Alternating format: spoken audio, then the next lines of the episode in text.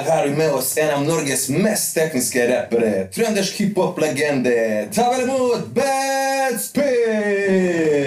Velkommen, brother. Yo, yo. Yo, yo. Yes. Jeg tenkte vi kunne starte litt sånn eh, lett og løst. Du har et ganske unikt navn, Bad Spit. Kan du fortelle litt til historien bak det navnet der? Uh, ja. Um, jeg laga låt i 1998 eh, som het Bad Spit. Det er rapper på engelsk. Um, og det skulle egentlig være en sånn speilbilde av Brad Pitt. Du vet liksom Alle jenter elsker Brad Pitt på internett. Så jeg Ja, han var the shit på den tida. Ja. Sjekk dagboken på spesielt da. Ja, det var sånn Thelma Louise fantasien den tida. så jeg var negativ til han, da. Så, så det hadde vært bad. Så, så jeg laga den låta som heter Bad Spit. Uh, kapabel fra fremmed rase. eh, Shout-out. Um, han kutta på den. Og folk begynte å kalle meg Bad Spit. Det heter egentlig Mesmerize. Mesmerize. Folk har begynt å kalle meg. Men så ja, det ble det ble det navnet. Men uh, vi, skal prøve, vi skal prøve å få tatt eh, oss av eh, karrieren som vi, som vi klarer i dag. Karrieren din. Og du nevnte jo sjøl at det her var på 90-tallet. Så hvor, hvor, når, eh, hvor tidlig var det du starta å rappe? da? 1994. Og da kalte du det, da var det rett på Mesmerize, eller hadde du noen andre kleine navn? eh? Jeg begynte å rappe sånn, det var noe, Vi fikk ikke tak i noen sampler. Vi visste ikke hvordan vi laga beats. og sånne ting. Så vi begynte å spille i sånne band. Så vi hadde, vi hadde et band, husker jeg. Det var da. Det var veldig inspirert av sånn type Rage Against Machine og, og, og sånne ting. Så vi ja, så vi, vi, vi hadde liksom et fullt band, og jeg rappa som en kompis, da, Børge. Um, det var liksom egne tekster. Det var som jeg husker Vi hadde en låt som het Fuck the System, så jeg begynte tidlig på det nå. Um, begynte der. Og så i 97 var det vel jeg begynte å, å lage beats. Da, da, kom en kompis av meg han gikk, hadde pianotimer på, på um, Marvik eh, musikkskole. Og da hadde eh, musikklæreren Han var ikke interessert i å spille piano. Han sa liksom 'jeg vil lage beats' han. Og så sa han ja, um, Jeg kan sikkert hjelpe deg med det, liksom. Så det det, endte opp med, den en kort, kort historie eh, at jeg, jeg begynte å komme hijacke timene hans. Når liksom mora betalte for at han skulle spille piano, liksom. så kom jeg inn dit og så liksom fikk litt sånn info hvordan jeg skal lage beats til den fyren. han ordna hjalp meg med å liksom lage eh, Kjøpe en sånn Akai eh, S1100 var jeg begynt med. Eh, med en eh, Amiga 500 med første Cubisen. En diskettstasjon, liksom. Um, det var første uh, som begynte med. Så, så jeg måtte jo ringe han da, sånn innimellom da, for liksom faen skal jeg få det her til å funke? og sånne ting. Så han var jævlig hjelpsom. Og det er han Thomas Henriksen fra, fra han har spilt Dipsomaniacs. Uh, legendarisk uh, trondheimsband. Uh, så Sampleren min tilhørte en fra Dance with a Stranger. Han som spilte keyboard Dance with a Stranger. For da hadde du sånne blad. ikke sant? Det er sånn her musikk eh, Et eller annet sånn her bytte et eller annet sånn. De hadde sånn en gang i måneden. Sendte han ut sånn her eh, blad. De som, de som var medlemmer, så kunne liksom kjøpe selge sånn type ting. så ja. Opp til da så laga liksom, Vi laga demoer. Um, kalte oss Conscious Maneuvers. Eh, Det var meg og F-Word. Stygg som faen. Det var vi som laga laga beatsen, så rappa vi begge på. Men hva var tematikken i låtene deres der på den tida? Ja, battle rap. Ja. Nei, for vi hadde jo ikke noen ja, punchline. Uh, Ja, vi hadde sånn her, til og med en nettside som var sånn punchline gallery. Der vi liksom Det var så jævla nerdete. som dere hadde laget sjøl? Ja, andre artister, sånn type Rascals og Ja. Chin Excel og sånn Punch Words. Type greier. da, Så vi liksom de beste ordspillene deres, og så laga vi sånne nettsider som liksom, du kan se alle ordspillene som ingen skjønte. Jeg skjønner skikkelig nerd. Ja, vi hadde sånn punchline gallery. husker jeg. Men du nevner det punchline rap, og uh, så når jeg ble kjent med deg, så holdt du på med litt sånn helt andre ting enn akkurat det. Selv om det fortsatt var veldig teknisk og lyrisk og sånn. Men er det feil å si at du har hatt sånne forskjellige stilepoker? Eller faser gjennom diskografien din? der? Ja. Hvordan vil, du, hvordan vil du kategorisere dem selv, da, hvis vi skal ta opp det? Ja, starta på engelsk, da. Fra 94 til sånn typ 2000, egentlig. Eh, Det var alt engelsk battle rap-type ting. Um, og så begynte jeg mer på horror, uh, horrorcore-greier. Um, det var mye blo blodige greier, liksom. Uh, inspirert av uh, Flatliners, Gravediggers, um, Necro, Cage. Uh, Non-fiction til en viss grad. Veldig der. Um, så horrorcore-greia var jo det som var liksom grunnlaget i Armageddons Fetisj, da, som er som egentlig er fra er, er, en setning jeg sa på første demoen min i 1997. Jeg sier noe sånn her uh, Armageddon Fetish, Dark Thoughts, Fatal Et eller annet sånt uh, så det kommer derfra. Og så var jeg en kompis av meg, Howard Fatts, uh, på en tida her, og sa sånn Du, du må ta bruk det der. Eh, vi lager et sånt crew, liksom. Bare, ja, den. Ja, den. Armageddon Fetish. Jeg, jeg, jeg ville bare at det skulle rime, ikke sant? så jeg bare satte sammen ord. Så ja, så ble det nå bare det. Så det vært horrorcore-æraen, liksom. Opp til um, Hva skal jeg si 2007, tror jeg, rundt der, så var jeg bytte, begynte jeg å bli litt sånn type bevisst inn i sånn conspiracy-greier og hidden hand-greier. Så laga jeg Robo Sapiens-plata. Eh, Så, så etter det var Arkana. Det var da enda et skifte igjen. Eh, Da var jeg mer inne i spirituell søken-type ting. da. Mer åndelig igjen. Eh, Og det, den Arkana-greia har meg hele tida, men jeg, nå i dag så prøver jeg å blande. som du har liksom litt personlig inn i tekstene. det er Sånn, I alle låtene, tenker jeg. Ikke bare lage konseptlåter, men du har liksom alt inni ei låt. Sånn, sånn litt personlig, litt uh, spirituelt og litt conspiracy shit. liksom, Du bare lar det flyte. liksom. Men så det blander seg litt i dag. da. Så litt skrytrapp av og til. Uh, jeg gjør det ennå, men det er, sånn, det er bare for, fordi at det er funny. Og så er en stor del av gamet òg, det er- det rap. Det er jo ja, sant, det er gøy. Mm. Så det må bare være med. Det er det er hiphop, liksom. så, så prøv å ha alle delene inni her. Men uh, i dag så, så tar jeg også det skrytrapp-tingen um, Jeg kjører det over på Armageddon-label. så alt det andre går liksom på Badspit, uh, som type Spotify. Så det får bare være der. Leve. Du skiller de to, rett og slett? Jeg skiller. Ja, jeg gjør det. Men du har jo nettopp gitt ut en ny skive nå under navnet Bad Spit. Altså, det er det, det som du, du vil beskrive på den måten der en god miks altså, av alt det siden Arkana, ikke sant? Ja, Mm. Ja, jeg føler at alle låtene er på en måte en, en blanding. Men du er jo kjent for å ha forskjellige konsepter for dine, på dine skiver. Er det noe sånn eh, spesielt konsept på denne skiva her òg, eller? Ja, den heter jo 'Lurt av lyset'. Um, det, hva er lyset, liksom? Eh, Folk tenker 'Gud, eh, hva er jeg', liksom?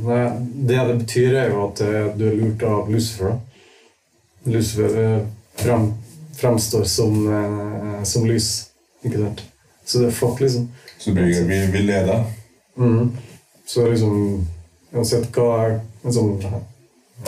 Lucifer er liksom the, uh, lord of the world, ikke sant? Ikke sant? Så uansett hva det er for noe, så er det fuck, da. Så, så vi, er, vi er liksom bare lurt uansett hva det er for noe. Det det betyr. Det er fra to Corinthians type bibelvers, egentlig. At uh, um, Satan fremstår som, uh, som engel av lys, da. Det er ikke sant? Um, men jeg tror at alt er fucked, liksom. Jeg tror at alt er uh, Det det er lurt uansett hva det er. Det er håpløst, rett og slett. Så ja. Ja, for du har jo referanser til det, alt fra Bibelen og flere eh, andre eh, samfunnet i dag osv. Hvor, hvor får du de inspirasjon, inspirasjonskildene til de sangene dine? Nei, sisten Lurt lyset er veldig Jeg har studert veldig mye religion, faktisk. Ja, på det. Um, spesielt For jeg ville forstå kristendom, hvor det kom fra, hva det er for noe. Eh, For det, det dominerer absolutt alt. Hun, Selv om vi ikke ville, så, så gjør det det, liksom. Og andre religioner, og i tillegg eh, veldig mye esoterisisme, hermetisme eh, og um, Fortway Det er mye sånne type esoteriske teachings da, som jeg prøver å få inn her. Hva det var som trakk deg mot religion i denne fasen av livet, da, tror du? Um, det var det som gjensto på, på lista mi, egentlig. Du må liksom gå stigen. Så jeg liksom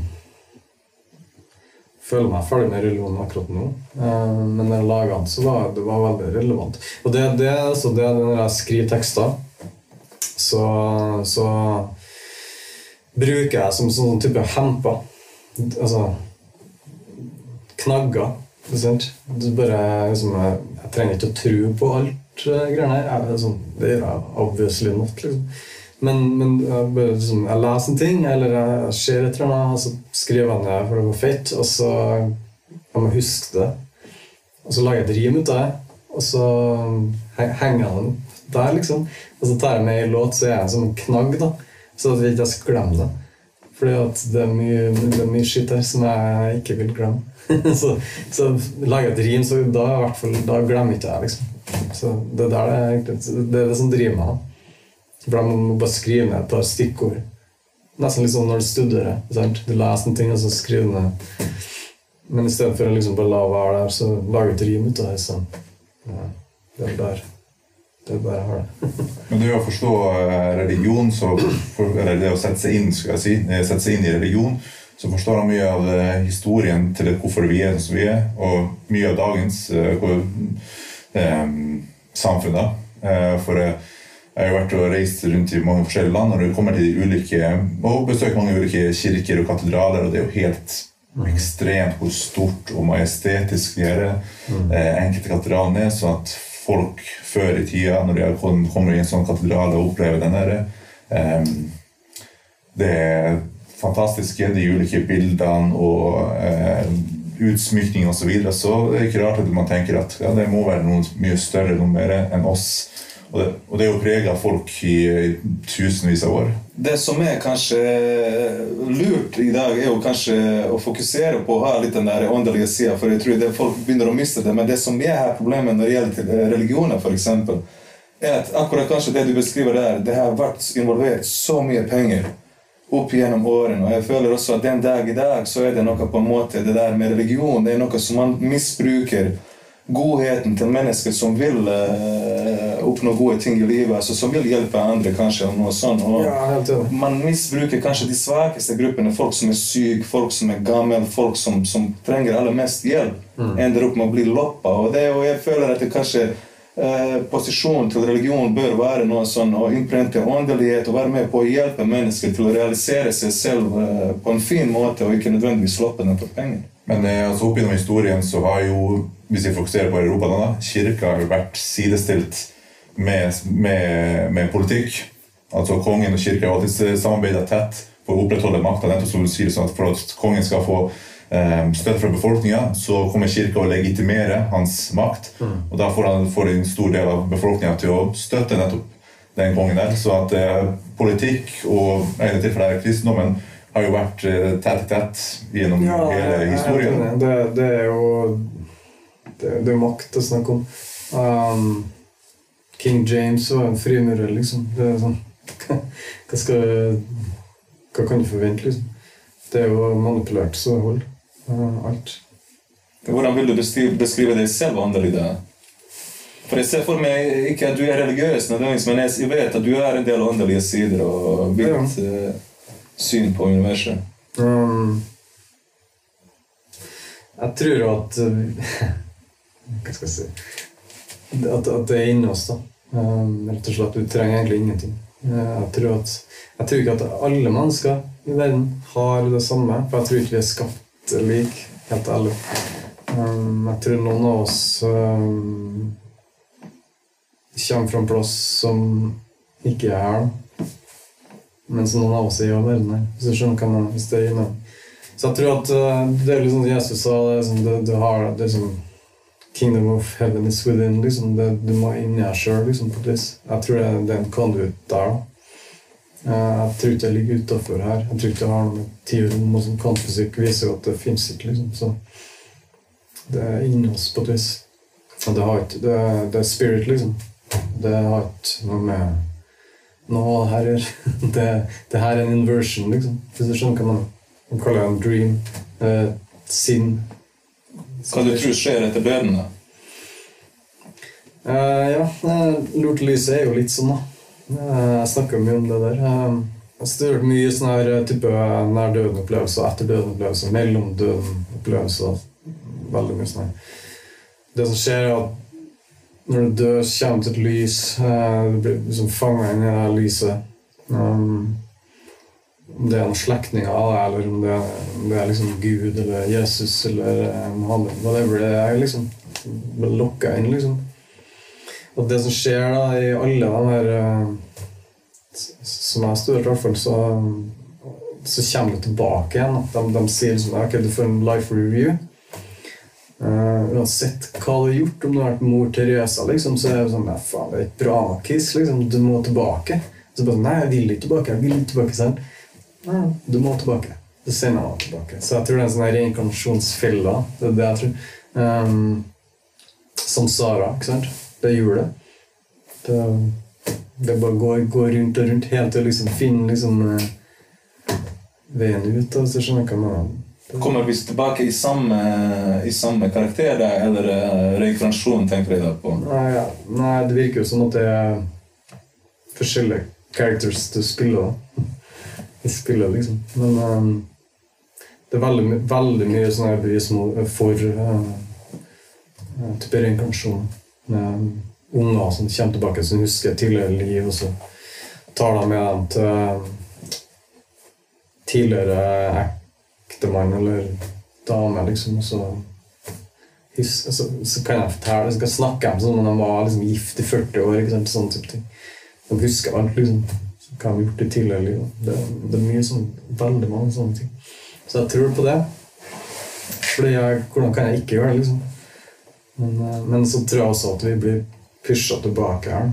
Mm. Så det er det lurt å lyse altså, Det er det handler om, hele, hele greia. Jeg vil bare liksom få det her uh, ut, da. Sånn sånn sånn, når dere dør. Så, ok, sant? Så um, husk på det. Det. Det er ikke nødvendigvis en god ting, selv om det føles bra ut når man går i lyset. liksom. Jeg tror ikke det er veien. Altså. Er veien. Vi, vi må gjøre noe helt annet. Men igjen, da, hvordan vi kommer oss ut av det, vet jeg ikke. Hvordan tror du vi bør benytte denne tida vi har på jorda? da? Jeg tror du må liksom jobbe med deg sjøl på veldig mange måter. Du må liksom finne ut hvem du er. Eh, Alle de spørsmålene om hva vi er, og hvor vi er igjen, og alt det greiene her. Alt det må, jeg tror det vi må lø er altså, individuelt da, må løses. da. Hvis at det, vi skal på en måte gå videre. Eh, hyperkosmos, da. Jeg, jeg tror det er en verden av dualisme. Eh, jeg tror også det er en verden bak det, som, som ikke har noe med her verden skjønner. Det er jo det nostikerne snakker om. Nagamadi Codex og alt det greiene der. Det er vel der jeg er akkurat nå. Jeg vil ikke si at jeg kanskje er neste måned, men hvem vet? Jeg har vært der en stund, da. Kan du si. Jeg kan forklare litt mer for folk som ikke helt uh, forstår det du prater om. Ja, altså Nostikerne snakka om at uh, verden her er skapt av en gud um, som ikke er Gud, da. Ehm, på en måte en avgud. Um, så skapt liksom den fysiske verden her. I Bibelen så er jo Java, liksom. Um, og han skapte som en kopi av, av, av den ekte verdenen. Det er det som myten sier. ikke sant? Så det finnes en annen verden. liksom. Så det her er på en måte en sånn der eh, reversert versjon, opp-ned-versjon liksom, av eh, sånn negativ, da, hvis du skjønner. Fra, fra det som egentlig er ekte. Det er det nostikerne sier. Um, uh, nostikerne var jo sånn Nagamadi fra Egypt. ikke sant? Finne kodekser der fra ei hule. Eh, fra 300 er datert. 300 etter Kristus. Så det er jo mer relevant det liksom enn noe annen tekst, da, for det er jo nærmere liksom type For det går også i det der uh, Sorry. Nei, for det går jo i det kristendom, liksom, Nye testamentet-type tingene. Disiplene, så de har skrevet sine egne gospels i, i Nagamadi-kodekset. Og de er helt annerledes da, fra, fra det der, uh, Nye testamentet. Og han sier ikke det samme, liksom. Det er helt annerledes. Så, så jeg tror at det, det, det, det er liksom rett og slett en um, Hva skal jeg si um, Det er en teaching som skal lære deg til noe, for det. Jeg skal bare la, la ligge. Det her er jo kjempespennende, og det er jo definitivt noe vi bør eh, fordype oss i. Men jeg bare lurer på hva som fikk deg eh, til å gå inn i det her. Hva var det som eh, på en måte eh, trigga deg til å gå dypere inn i denne tematikken her? Ja, Og når skjedde det sånn cirka? jeg tror det var rundt uh, 99 så kjøpte jeg en bok. Um, 'Behold a Pale Horse' av William Cooper. Altså en conspiracy-type ting. Han er altså en naval intelligence officer i Vietnam. Og så laga han liksom eh, Fant noen sånne dokumenter. eh, En sånn kopimaskin. Eh, Så det er han er godfather of type conspiracy theory.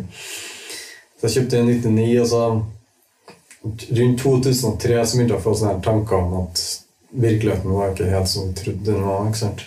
Um, type åndelighet, da. Um, Skjærte seg med jeg husker hun jeg bodde sammen med. husker. Jeg trodde jeg var steingal, liksom. Um, Jeg begynte med å komme På grunn av det, altså. ja. Mm.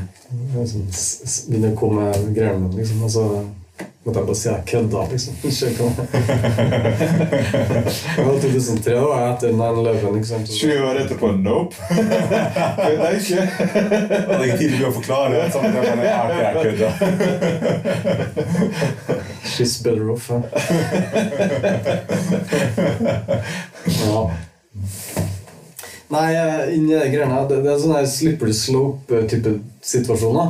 Ja, det for det, det går fra det, det jeg prøver å si, ja, det går fra conspiracy-greiene, for det er jo sånn grade igjen, liksom.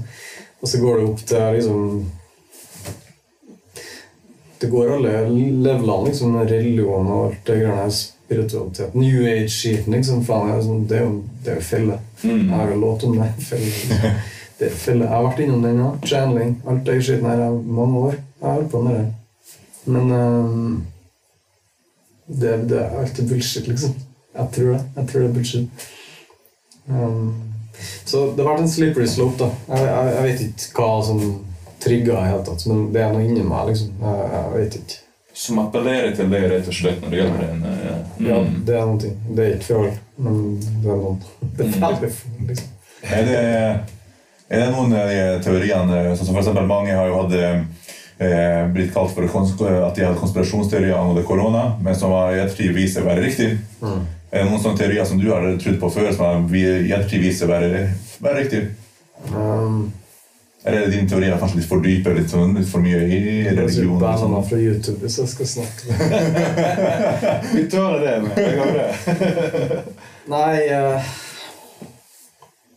Det er det jo, men, men jeg vet ikke om jeg vil prate så mye om det. Så. Det er, jo, det er jo en som er ganske relativt fersk, som, som eh, på en måte er veldig relevant også, for din eh, type musikken du har jobba med en periode.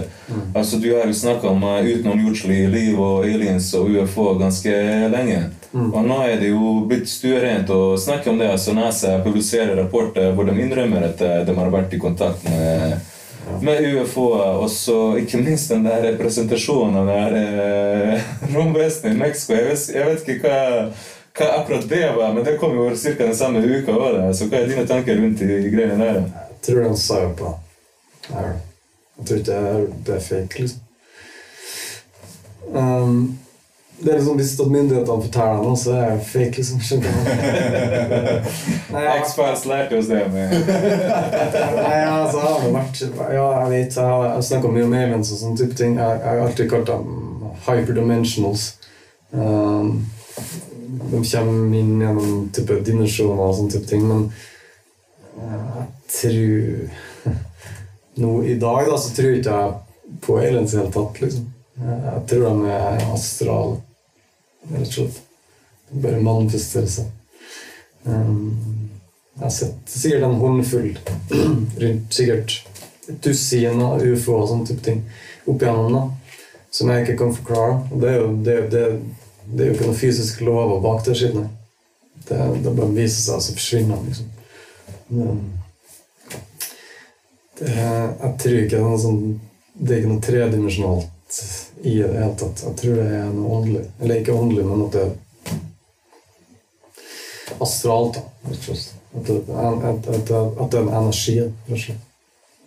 Det jeg tror. Eh, sånn som John Keel også. Han sa jo også. Han kalte ham ultra Dimensions. Uh, han sa han kom fra andre dimensjoner og sånne ting. Det var en sånn, hvis jeg husker den filmen Mothman Prophecies. Ja visst, det. Det var han, Basert på boka hans var han sånn researcha hele Mothman-skitten som skjedde i USA. Tida, Han hadde jo han skrevet masse bøker.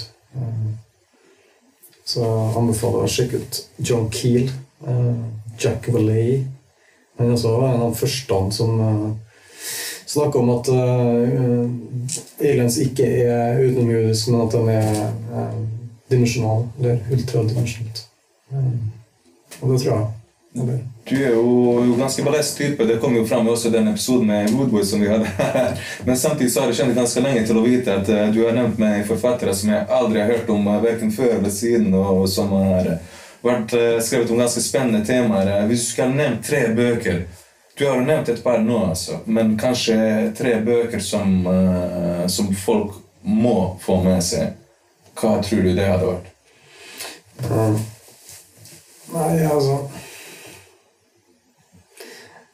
Det er vanskelig, fordi jeg syns det er så mye bullshit. Det er mye bullshit i alle bøker. da Så det er vanskelig hvis jeg skal anbefale noe, så leder jeg dem på feil path, hvis du skjønner.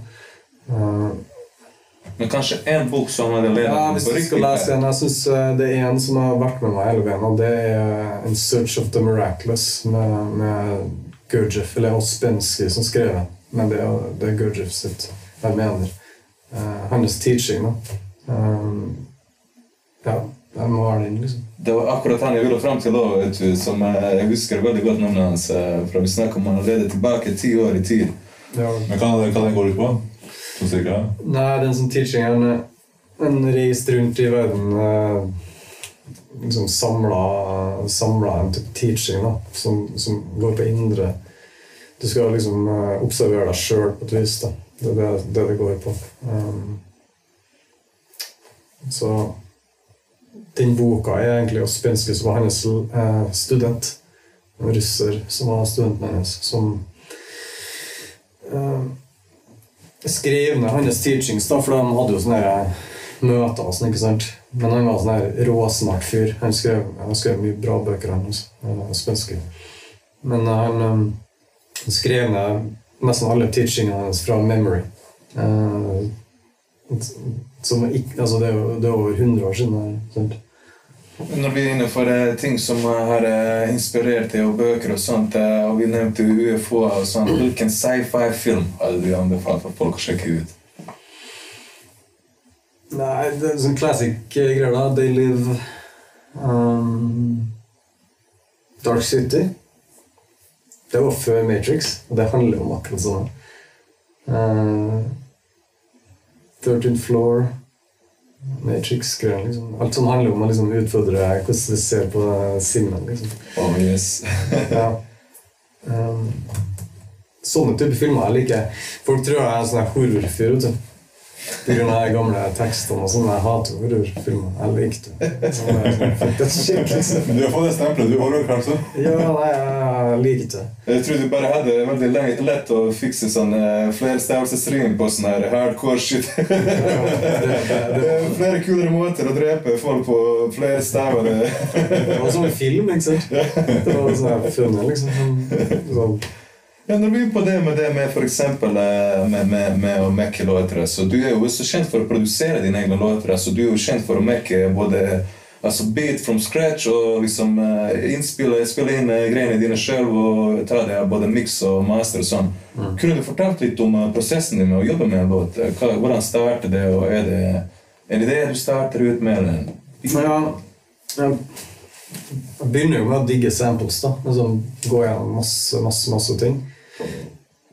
For det er jo sample-basert. Jeg Hvis jeg spiller noen ting, så er jeg liksom over samples. Eh, så jeg går gjennom veldig mye musikk, liksom. Og så hva kan jeg stjele, liksom?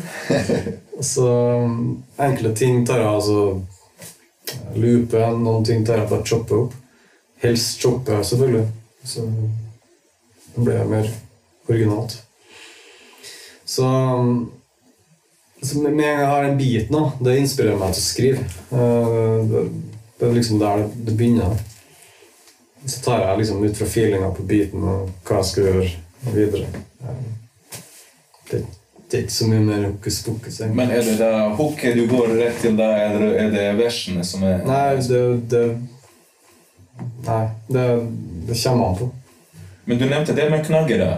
Mm. Altså, hvordan er Det du, altså det blir jo der som et slags sånn puslespill. Jeg tror de fleste av oss jobber litt på den måten der, særlig når det gjelder hiphop eller rappmusikk. At man har en del kanskje noen linjer, og så prøver man å liksom sette sammen puslespillet. da. Mm. Hvordan er du sånn eh, når det gjelder det puslespillet? Er det Hvis jeg har sånne låter som kanskje er litt mer gjennomtenkt, så har jeg en sånn liste ut ifra knaggene mine som jeg har skrevet ned. Uh, og så prøver jeg å sette det i rimform. Eh, hvis det er sånn her bullshit-låt, så skriver jeg på en time. Det er bare liksom skryt, piss, liksom. Sånne type ting. Du har jo også jobba over andre sine beats òg. Ja. Eh, Samarbeider med flere forskjellige produsenter. Eh, Syns du det er en fordel eh, å jobbe over dine egne beats eller over andre sine? Jeg liker min, jeg gjør det på mine egne, fordi da har jeg liksom hele, For jeg liker prosessen, sant? for det er ikke sånn at jeg tjener penger på det her. det, sånn, det er jo ingen, ingenting. Um, så, så jeg liker jo prosessen. Ikke jeg gjort det, så ikke jeg gidda. Liksom. Så jeg, um, jeg liker liksom å ha hele, hele bit grønn. Men av og til så For eksempel uh, den er 20 år-tapen vår til meg og Effer. da. Så det er han som lager alle beatsen. Og og han inspirerte meg til å lage beats igjen. Da jeg drev jo med andre ting. så, så, så, han laga alle beatsene på, på den. Så det var litt sånn Fikk meg tilbake igjen, på vis. Speaking of andre ting, du var jo innom en uh, periode med litt sånn stoner metal òg. Ja. Og fikk jo faktisk en del anerkjennelse for det i utlandet òg. For altså, du hadde jo forskjellige magasiner som skrev om musikken din. og du var jo litt sånn også The One Man Band. Uh, og flere prosjekter som du hadde innenfor det sjangeret. Ja, jeg har to prosjekter. Et med en uh, stillborn, vet du. eh, som sang. Um, ja, det var ja, På Doomed and Stoned tok jeg oss inn. da. Så han redaktøren her ga ut en, en kassett, liksom. Tape. Det var lite millioner. Så vi, vi gjorde det, og så var det et sånt label i Oslo som ga oss ga to plater av oss. Uh, Shepherd's Crook heter det. Eh, og så har jeg jo eget eh, Vandrer heter det. Det er jo Doom. Så ja. Da gjorde jeg alt. Spilte trommer, bass, gitar. Men det er instrumentalt. Hva det var som inspirerte deg til å jobbe med det, de prosjektene? der? Nei, eh, altså Fra liten av så var jeg jo jeg vokst opp med heavy metal. ikke sant? Broren min, da, Rest in Peace, han ja, Første albumet jeg husker, er liksom Motorhead Bomber. liksom. Så, så, så Maiden var jo, gikk jo hele tida liksom, hjem til oss. Så eh, det var metal fra liten, liksom. Jeg hørte på det hele tida. Opp til 93, tror jeg. sånn her. Begynte jeg å synge i sånn death metal-band. Jeg, jeg trodde det var death metal, men det var Doom. ikke sant? Hørte på sånn My Dying Bride. Jeg trodde det var death metal, men det var Doom. Death Doom, liksom. Um, ja, Black Sabbath er jo classics. liksom. Det er jo forgjengerne til Doom-sjangeren. Um, alt som var liksom avart fra til Black Sabbath, da, var det som var greia mi. Så tror jeg etter at eh, broren min døde, da, var i 2013, så tror jeg jeg kom mer inn i den sjangeren. Jeg vet ikke om det var sorgprosess eller men jeg begynte veldig å liksom, digge inn i greiene. Så jeg har vært veldig fan av den sjangeren. Um, type band som Sleep og Electric Wizard og er store, ikke sant? Kona. Um, ja, masse oppskurte. Så begynte jeg å spille gitar igjen, for jeg spilte jo gitar på, på, på barneskolen. Spilte sånn klassisk gitar ikke sant, i fem år. Eh, Så jeg tok opp den igjen. da, Så begynte jeg å spille liksom, Begynne å forske på lyden, da, for det er for meg komplisert lyd. eh, Stoner Doom-tingen, for det er veldig mye frekvenser. ikke sant? Så um, jeg begynte med det, så begynte jeg å skru lyd, og så um, prøve å få det til å høres fett ut. Og så begynte jeg med hiphop igjen, og når folk kom, igjen, kom inn i bildet igjen, og så ble det mye enklere å skru lyden på hiphopen. For det er lett i forhold til sånn type metal, liksom. For det er vanskelig. Du hadde jo sånne vokalgreier som du jobber med, som skulle høres ut sånn demonisk og ja, Kristian Kristian. Som tok seg den biten. Det var han som sang. Jeg sang ikke. Ja. Men eh, sånn, eh, vi trenger ikke gå sånn altfor mye dypt i det, men det som er greia, jeg husker også um, Rundt den tiden da broren din døde Uh, Det, det traff meg litt også, for her er jo broren min, og vi er veldig close. Uh, vi har jo jobba sammen med hverandre om, med mye forskjellige ting og er bestevenner i, i, i hverdagen. Eh, og jeg vet at storebroren din også hadde stor innflytelse på deg. Han, han, var jo en biker og en uh, jævla hard fyr som, som uh, folk respekterte rundt omkring. Og jeg husker etter døden hans på en måte du, du, du Imaget ditt ble også litt mer som bikeraktig Ja. også. Ja. Kanskje som du sier, den sørgeprosessen. Hvordan føler du at døden hans påvirka deg? Mm. Så, ja helt klart påvirka meg veldig mye. Eh, Jeg fikk jo langt hår som han. ikke sant? Skjegg. Eh, Gikk med vest og sånn, sånn typ. Ja. Jeg, nå er jeg ferdig med det, liksom. Men, eh, men jeg gjorde det en god stund, egentlig. Med musikken òg. Alt jeg har hørt på. Men det er jo sikkert normalt, vil jeg tro. Mm. Sånn type ting. Ja, det er sikkert en naturlig reaksjon. Ja, jeg tror en sånn. Ja. Jeg har alltid backa meg opp da, i eh, hiphop. da. Det gjorde han alltid. Um, for det var jo Det er ikke akkurat hiphop-miljøet det han var i. sant? Men han backa meg alltid opp, da. Det husker jeg. Det syns jeg var fett. Selv om han ikke likte det, liksom. Jeg tror ikke han likte det. men, men han backa meg alltid opp. da. Så, Det er en ekte bror. Det er sånn en ekte bror skal være. så ja. For å bevege oss litt sånn eh, tilbake til musikken din igjen. eh, hva vil du påstå er din sånn eh, magnum opus, om man kan kalle det? Altså den skiva som du føler er den mest komplette skiva di som du har gitt ut så langt? Mm. Nei, det må jo bare bli Arkana. Arkana. Er det, hvorfor er det det? Er det pga. mottagelsen, eller er det pga. måten du har jobba med den, eller Jeg tror det var en spesiell plass egentlig i livet akkurat da. Veldig sånn her in search-type ting. Um, og den er ikke så definerende, syns jeg. Det er liksom det, den søken. Det er ikke sånn at jeg kommer lurt, av lyset, så kommer jeg med en sånn Kiss, hør her. Men Erkana var mer sånn Ok, nå, jeg vet ikke, men hør her. Um, så jeg synes det I tillegg så var jo det jo veldig sånn americana, gitar, bass-basert samples og sånt. ting. Så folk spiser opp litt, litt lettere, da, skjønner. Um, og det, det hadde aldri blitt gjort, da. Eller kanskje Sage Francis kanskje gjorde det på en Lifeline-skiva si.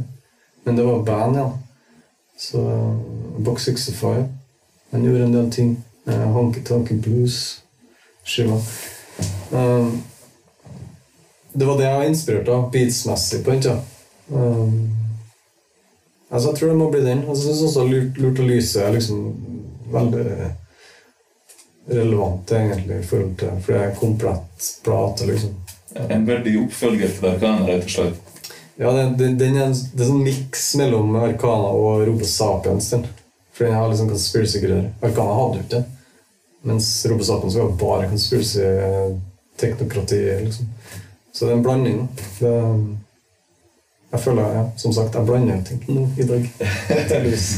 Men, men det som jeg husker i forhold til Arkana Vi hang jo en del eh, på den tida der. Og det som jeg ble, var sånn, eh, veldig sånn positivt overraska over, var at eh, hvor, hvor kort tid du brukte på tekstene. Så tekstene er jo ganske dyr og ganske sånn eh, eh, komplisert når det kommer til sånn, det tekniske, men allikevel så kom du altså du bare kom ut av det. Du, du bare kunne sette i studio, og så bare Og så hadde du klar teksten. Ja, Var det sånn type eh, også med den siste skiva òg? ja. At du følte at du var i den flowen der? Ja, ja, du må inn i en sånn her uh, inspirert greie, liksom. For jeg har laga album på rå lenge. Liksom, på ti år. Så nei, Kana var jo veldig Jeg var jo arbeidsledig, husker jeg. Så jeg satt jo bare hjemme, liksom. Så jeg, så jeg lagde den Det var veldig kort tid. Jeg vet ikke om det var tre eller fire måneder. Eh, og Lurte lyset laga siden ja, november til mai. Så alt etter det var bare finpussing på beats. liksom. Eller sånn type skrulyd. Um, så veldig kort tid. Så du må liksom havne i et vindu, da, tenker jeg. Ellers så Men hvordan, sorry, her er bare sånn for å avslutte her. Så hvordan, går du, hvordan unngår du å gå inn i den fella at du blir altfor kritisk i forhold til teksten din? For, for man kan jo skrive noe, og det høres jo dritfett ut der og der, men så våkner du neste dag og bare tenker What the fuck is this? Man? Altså, Ja. Unngår man å gå inn i den fella der og heller bare Ja, det, det, jeg vet ikke. Nei. Det er liksom vise, da. Ja. Sånne type ting. Jeg har ikke peiling. Det er som Neste år så kan jo nyplata mi være helt fucked, liksom. Men det er jo igjen med Arcana. Den holder seg, føler jeg. Eller ikke alle låtene, syns ikke jeg, men jeg, jeg remastera jo eh, Arcana og den her Feilsøker Kosmos-plata. For jeg fant den gamle filen på en disk, ikke sant? så tenkte jeg ok, nå skal jeg gjøre det ordentlig. Og så miksa jeg på nytt igjen, og så fikk jeg mastra profesjonelt. Og det, så det ble altså, Sounden ble mye kulere. Litt mer hiphop, liksom. Og det er litt mer punch, og, du har liksom det bit cruncher sound på samplesen og sånne ting. Det Den heter Gjenferd, den plata. Terse Kosmos er en remix og der. Og sånt. Det var det som starta hele prosessen med den nye plata. For det er miksen egentlig som har drevet meg fram. Som bare blitt god på miks, liksom. en sånn hemmelig drøm om å liksom, jobbe med det, men det kommer aldri til å skje. liksom. Ja, du sier aldri. Nå har du lagt det ut i verden, vet du. Nå vi får se hva som skjer. Ta kontakt med folk, og så tar vi Tar vi det derfra. kan kan mikse det. Ja. Ja, det, jeg synes det er alltid er interessant å, å, å snakke om eh, med artister og forfattere hvordan skriveprosessen er. Og nettopp som du sier, det med vindu tror jeg er ganske viktig. Når man har den motivasjonen der til å gripe den sjansen og ikke Ja. utsette den. Det er akkurat det. Det er vanskelig da, når man har jobb og barn og ting. Ja, det er akkurat det. Hvordan skal fitte inn, liksom. Men um, Nei, jeg, har jo en sånn app da på telefonen så jeg bare skriver inn alt sånt, sånn cloud-greier, så jeg har alt til enhver tid. Um, og det kan jo være når som helst. Kan kjøre bil liksom, og stoppe og så bare så skrive den skitten. Liksom. Det er bra. Du stopper i hvert fall. ja. Jeg stopper ikke, men jeg er bare sånn rett inn på den her tale-opptaker-greia. jeg, har, jeg har ikke begynt å bruke det ennå. Nei, men jeg, har tenkt på det. Det kommer nå. kommer. Jeg har brukt det på melodi av og til, men så tenker jeg det hører vi igjen. Så, what the fuck, liksom. Jeg, jeg skjønte ikke at den som har liksom våknet fra en drøm. Liksom, du skjønner ingenting, liksom. Ja. Men det er jo det som er litt sånn kult også. altså Hjernen begynner å fungere på denne måten. altså Det fins jo mange ganger hvor jeg våkner liksom, hvor jeg føler at jeg har noe sånn her eh, Altså Helt sinnssyke rim i underbevisstheten og bare driver og repeterer den for meg liksom, på morgenen for å ikke glemme dem. Og så bare prøver å skrive den på telefonen, og så er jeg liksom våkner nesten, og så er det bare gibberish. Det er liksom, det, It doesn't make no sense. Men liksom sånn, hvordan hjernen ender opp med å liksom bare fungere konstant etter det der med å liksom lete etter liksom rim og melodier og det ene og det andre. Så selv om man tar pauser og folk hører ikke om en, så er det liksom en sånn konstant maskineri i det greia der. Ja, nei, jeg har brukt det et par ganger. Skrevet ned drømmer. Eh, Jeg har brukt det i en tekst, den med Zeta på Feilsøker kosmos. For da var broren min i drømmene. Så skrev han den sånn, så det har jeg brukt i den teksten. Det er ingen som skjønner den teksten, Så. Men det er sånn funny. Så ja, av og til. Så det funker som faen. Liksom. For det er kunst, liksom. Det er lager jo ikke for å selge i det hele tatt. Trenersgruppe, så det er sært, liksom. Man vet aldri, kanskje det kommer noen sånn greier vet jo, som to-tre år hvor trøndersk rap blir det hotteste. Så se tilbake i tida når New York dominerte, og så kom Los Angeles med det Death Row-greia. liksom. Altså, Den tida kunne ingen tro at sørstaten skulle ha noe å si eller dominere. Se på sørstaten i dag.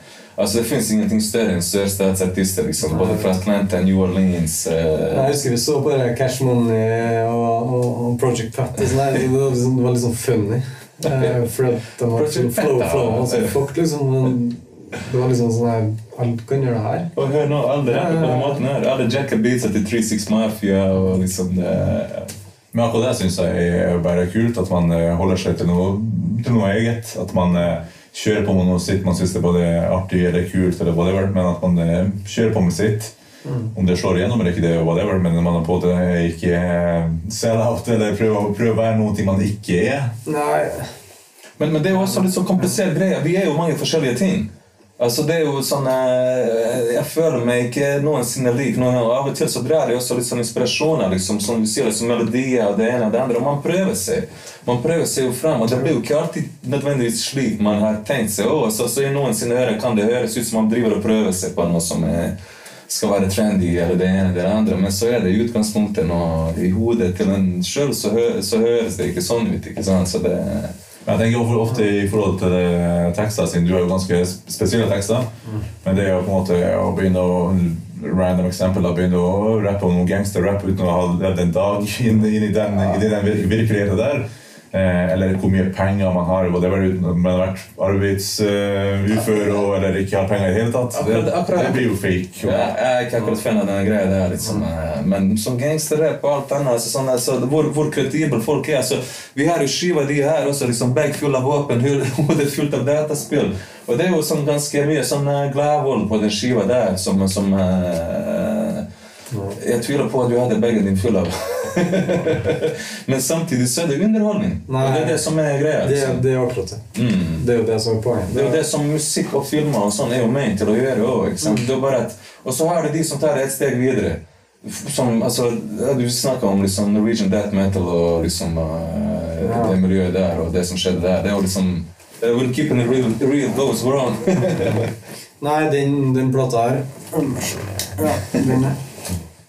Nei, det, det, det var veldig tidlig. Um, det var da jeg begynte å rappe norsk, egentlig. Rundt 2003. Jeg hadde vel gjort ei låt, tror jeg. Eller jeg hadde gjort den Sropstøtt-plata først. Um, med Blow Up. Uh, DJ Deala, Rest in Peace, og um, Kenny. De som ga ut den her, da. Uh, det var egentlig litt sånn jeg føler at det var litt sånn La kaste masse låter sammen. Eh, bare rapp, liksom. Eh, samme hva det er. Eh, men så er jo, var jo Blow Up da selvfølgelig Lasse og eh, Kenneth de, de likte jo litt sånn her type De er jo DJs som liker litt mer sånn type dansevennlige ting. Sånn catchy ting, da. Så vi fikk jo Wright med på den. Um, Miksa jo hele plata. Så jeg har produsert kanskje halve. Så jeg gjorde jeg resten sjøl, og så var jeg litt Cut var en ting. Elemental. Så er det cover of Kane, er det ikke det? Han er jo vært Jo, eh, Ok, 69, ja. Mm. Men jeg tror kanskje han har rippa fra noe greier. Jeg er litt usikker. Ja, jeg lurer på om det skal være en sånn tribute til uh, Final Fantasy? Nei, er det Ja, noe sånt. Ja. Jeg tror Nei, jeg hadde ikke peiling på hva Jeg bare sa ja, dumt. Litt så farlig, liksom. Nei, men eh, den, den plata er jo Det er mange som liker den, da. Men eh, det er jo mye pre-pubertal type tekster til. Ja, men det skal være litt sånn Du var ganske ung på den ja, eh, tida òg, da. Ja, tidlig 20-årene på. Men uh, her er vi jo ganske kjent for, uh, for å ta opp uh, Mount Rushmore. vet du. Men i dag skal ikke vi ta opp Mount Rushmore. I dag skal jeg spørre deg om fem hiphop-skiver som folk må høre i løpet av sitt liv? Hva tenker du på? da? Ok, så det, det sinte meg faktisk. Og så jeg tror kanskje jeg har uh, en plass. Jeg skrev jeg tror jeg skrev ned sånne 15 titler. nå. Vanskelig å holde seg Men du kan ta så mange det, det, det, det er mye classics, da. Men, Ja. eh, men eh, vi kan ta liksom dem som jeg syns Det det er jo obvious eh, greier. Nas, uh, Ilmatic, liksom. Nas Ilmatic. Cool Rap 456. Det er, det er gastrap. eh, Koder på DJ Polo. Uh, Ja, det var første type soloplata hans. Og det hadde Butcher produsert på. Jævlig. Kanskje den beste, liksom. Som han har gjort. Og han har gjort mye bra. Han er mine favorittrappere. Cool rock, liksom. Eh, Big L, Lifestyle, Set to Poor and Dangerous. Det er classic, liksom. Um, Mob Deep Infamous. Um, og så har jeg ja, altså, jeg kan nevne sånn sånn type Jeru, Sunrises in the East, selvfølgelig. Can't Stop the Profit og greiene. Big Pun, Capital Punishment. Klassisk. Ja, den. Um, Organized Confusion, Stress. Den. Det er også legendarisk. OC, Word Life. Uff. Og jeg er ganske undervurdert, faktisk. Men jeg bruker å putte den opp med Ilmatic-skiva. Ja, Jeg det- føler produksjonen det er så bak- bakgrunnen, point, og- Ja. Uh, jeg fikk jo ordna meg en repress på vinyl. Da var jeg jævlig happy. Uh, 90s tapes. Lager mye bra. Um, ja, jeg kan jo nevne Fat og Jellsons Envy. ja, det er knallskive. For jeg er ikke sånn Fat Joe-fan, jeg egentlig. Jeg syns Represent var litt kul når den kom, men jeg synes den Jellson- Jellsons Envy er jo fantastisk.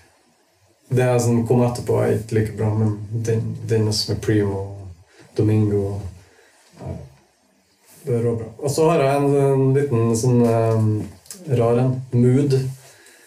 Eh, da hadde plate Cincinnati, som er Doom.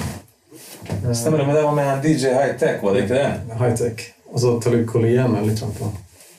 Det er Community 7. Det er en fantastisk eh, plate. Det er kanskje en av de beste. Ja, Du nevner en god del artister der, men jeg hørte ingenting om Tim Dog der. Hvor, eh, hvor er han på Ja, Ultra Magnetic det er- det er jo Cool Keith da, som er greia. Tim Dog har aldri vært Det er jo liksom vi flirer litt. Uh, intern joke. Tim Dog. er eh,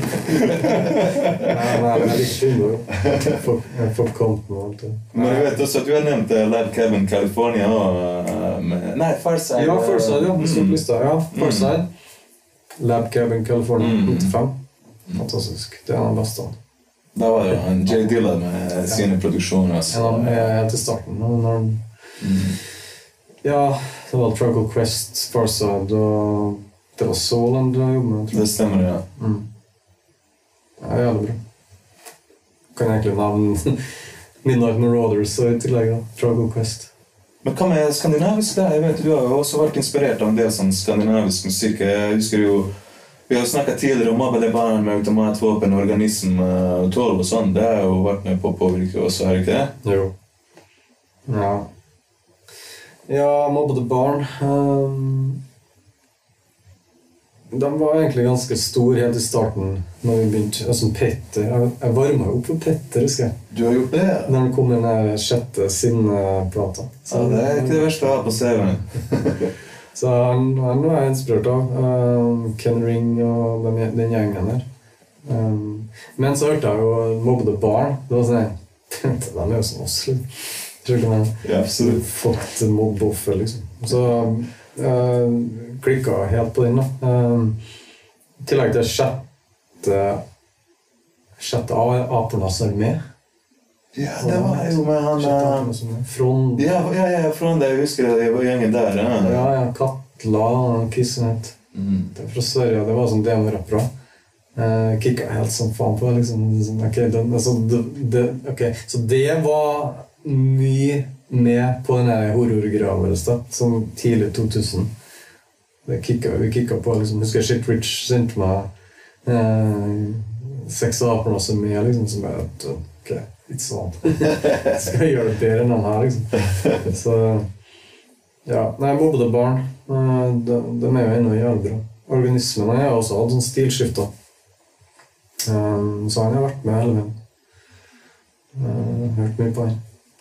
Det høres kanskje litt da, av og til. Så hva, er- hva er noen av de artigste tingene du har gjort i løpet av karrieren din så langt? Er det noen konserter eller noen featurings eller noe, noe du kommer på? Um, Nå husker jeg så mye av det, er så enig i hele veien. Altså, men um, jeg husker jeg, jeg har spilt på Jeg var på turné med Nonfiction eh, to ganger. Og, og Cage. Og, og Jedi Mind Tricks. Så jeg husker jeg var på, på, på Rockefeller. Satt backstage der med, med, med liksom Winnie Pass og så hele, hele gjengen der. Og så Så, så pratet med Winnie Pass, da. Det er så jævlig funny, liksom. Og så Han er alkis, liksom. Han sa det til meg at han er alkis, liksom. Eh, ingen drikker noe av uh, spriten min, liksom. Skjønner du? Altså, nå skal jeg på dass, da. Så gikk jeg på dass og så køyka jeg til. Hei, Winnie! Can I have some some liquor, man? Så jeg bare sånn kikka på meg sånn Ok, nobody but Bassfit fucking with my liquor. så jeg sånn, du, så drakk jeg sprit. og så han var sykt seriøs liksom, for å ikke drikke spriten min. Liksom. Jeg måtte jo bare si det.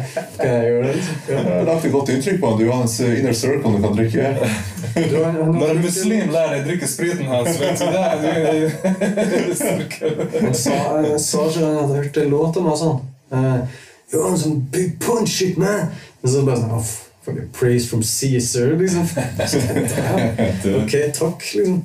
Um, ja, nei. Men han var full hele tida. Så han drev og inviterte meg til Philly, og mora skulle lage pasta og alt mulig skit. Og sånt, sånt, Italia. Så jeg bare Ja, dønn, ass. Men uh, tar dem i klippesalt. Så, ellers så er noen fiction eh, Det var kanskje det største, for at jeg var jo på turné med dem et par ganger, og så Hva skal jeg si der, da? Jeg var så, jeg var også jævlig stor non-fiction-fan. ikke sant? Ikke Bill-fan.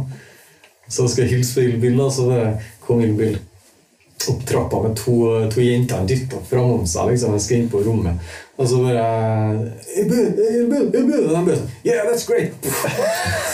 Jeg er rett i veggen, liksom. Så bare Fuck, hva skjedde nå? liksom? Bare sånn. Fanboy-knus, liksom. Er ned med plakater på rommet. Jeg gjorde, var knust plata.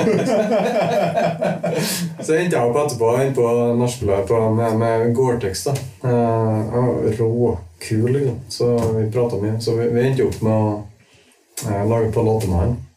I som kom ut, da. Uh, på den antinormplata mi. Uh, på den, Og så var det Gjerdum. Han spilte inn en med, med, med, med Nico, DJ Nico. Han som laga den her pianolåta til Carpe Diem. Ja visst. Den smart, er- Ring meg når du skal til stranda. Hjem til han. Um, ja, for han mista flyet sitt. da Og ble stuck i Norge. Stuck i Norge i Oslo, liksom, så jeg måtte jo henge litt frem. Men, men da, det var vanskelig å få ham hjem. Vil du ikke dra? Nei, det var vanskelig å få flyet til Jeg mista flyet med vilje vet du, for å henge med deg. Arrangørene fucka opp, da, så de ville jo ikke sponse den tilbake. De hadde to ganger, så, så, så jeg hadde sånn trøbbel med det. Det er så undergravd. Ja, altså, rett etterpå så ble jo non-fiction oppløst. Jeg tror det har litt med greiene som skjedde. skjønner du. For det var mye som skjedde akkurat den tida. Så du har Yoko Ono i oppløsninga? Jeg hadde ikke noe med det. Liksom, det der får han ha på sin egen kopp. Jeg har fucked up på drugs hele tida. Hodet nedi gir- nedi liksom bordet, liksom. Ok. Må bare rive og Rivotril for å skrive et vers. Men hva, er, hva, venter, eh, hva venter i framtida for Bedspit? Hva er videre prosjekter? Hva er noen videre planer som du har? har? Nei, jeg tenker bare kjøre videre sånn som jeg har gjort. Eh, Ikke album, for det var liksom Jeg ville bare ha et album um, bare så jeg har gjort det. Det siste, liksom. Fordi streamingtallene viser jo at albumet er jo fucked. sant? Det første seks-sju låtene jeg hørte på, ikke sant? så dabber det av folk gidder ikke, sant? de legger det inn på spillelister og sånne ting, så det, det er ikke verdt det. liksom. Så jeg, jeg tenker å lage singler, egentlig. Um, så jeg jobber litt med han, han uh, Marius, vet du. Han uh, um, Undergod, som lager coverne mine. Så vi har en sånn greie der at han lager cover, og så lager vi singler, eller da. Um, så lager han Bruk av lyset-coveret, Arkana-coveret, alle, egentlig. Um, Så når man lager album, så er det lurt å ha de beste låtene først. Mhm. Så det skal folk som være på, på albumet lengst mulig. Jeg husker Dr. Dre sa en gang du må liksom alltid sette de beste låtene først, for det er det folk gidder å sjekke ut. liksom. Men jeg er jo så dum at jeg har alltid satt de beste låtene til slutt. det er det jeg liker best til slutt. Altså, det er Folk hører dem, liksom, for de er lei før de kommer dit.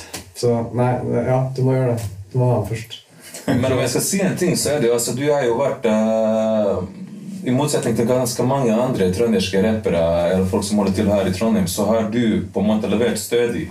Du har jo kommet, altså du har jo hatt en del pauser, men du har levert skiver underveis hele veien. Og jeg tror også det har vært også en av de hemmelighetene også, eller ikke hemmelighetene, men også grunnene til at du har klart å holde det relevant. For jeg tror at uh, fanbasen er ikke nødvendigvis altså Din fanbase og mange som hører på undergrunnshiphop, er ikke nødvendigvis de som er playlist-folk og setter ting på streaming. liksom, ikke sant? Så det er kanskje folk som er mer lojale innenfor å kjøpe merchen din og kjøpe kanskje fysiske eksemplarer av skiva di. Og Eller kanskje rippe den av YouTube og sette den på memory sticks. eller jeg vet da faen, altså. Men eh, så jeg tror det der med at eh, Det er det som er også litt sånn kult også, eh, som jeg føler er trenden de siste årene, er at uh, Vi snakket litt om det før vi starta sendinga i dag, om at eh, Jævlig kult med at eh, folk kjører litt den der konseptuelle greia hvor at en eh, produsent jobber med en rapper. ikke sant? Som vi snakka bl.a. om Alchemist, som jobber med Larry June, og jobber med Baldy James på et annet prosjekt. Og nå faktisk eh, i det siste så hørte jeg jo også Soul Assassins 3 av DJ Max. Å, fy faen. Og så hører de her forskjellige rapperne liksom uh, levere over de her uh, forskjellige produsentskivene. Jeg syns jeg er noe som har vært en sånn relativt frisk pust i hiphop i det siste. Du får jo en viss sound, da. Det er En sånn helhetlig sound i plata. Det er veldig fint. Jeg er stor fan av DJ Muggs. da. Eh, Det han har gjort med Rome Streets og veldig mange andre rigs. liksom. Eh, Goldskiva er fantastisk. Um, sånn type ny hiphop. Det Hvis at du har mye forskjellige produsenter, plutselig får du en sånn poplåt midt inni, og det fucker opp stemninga helt. i jeg- Det funker ikke. Men, men, men samtidig så er jo DJ Max også en produsent som er villig til å ta en sjanse. Så en av de, Jeg vet ikke om du hørte Sola Season 3, men en av de sånn standout-låtene er jo den låta med Zelo Green.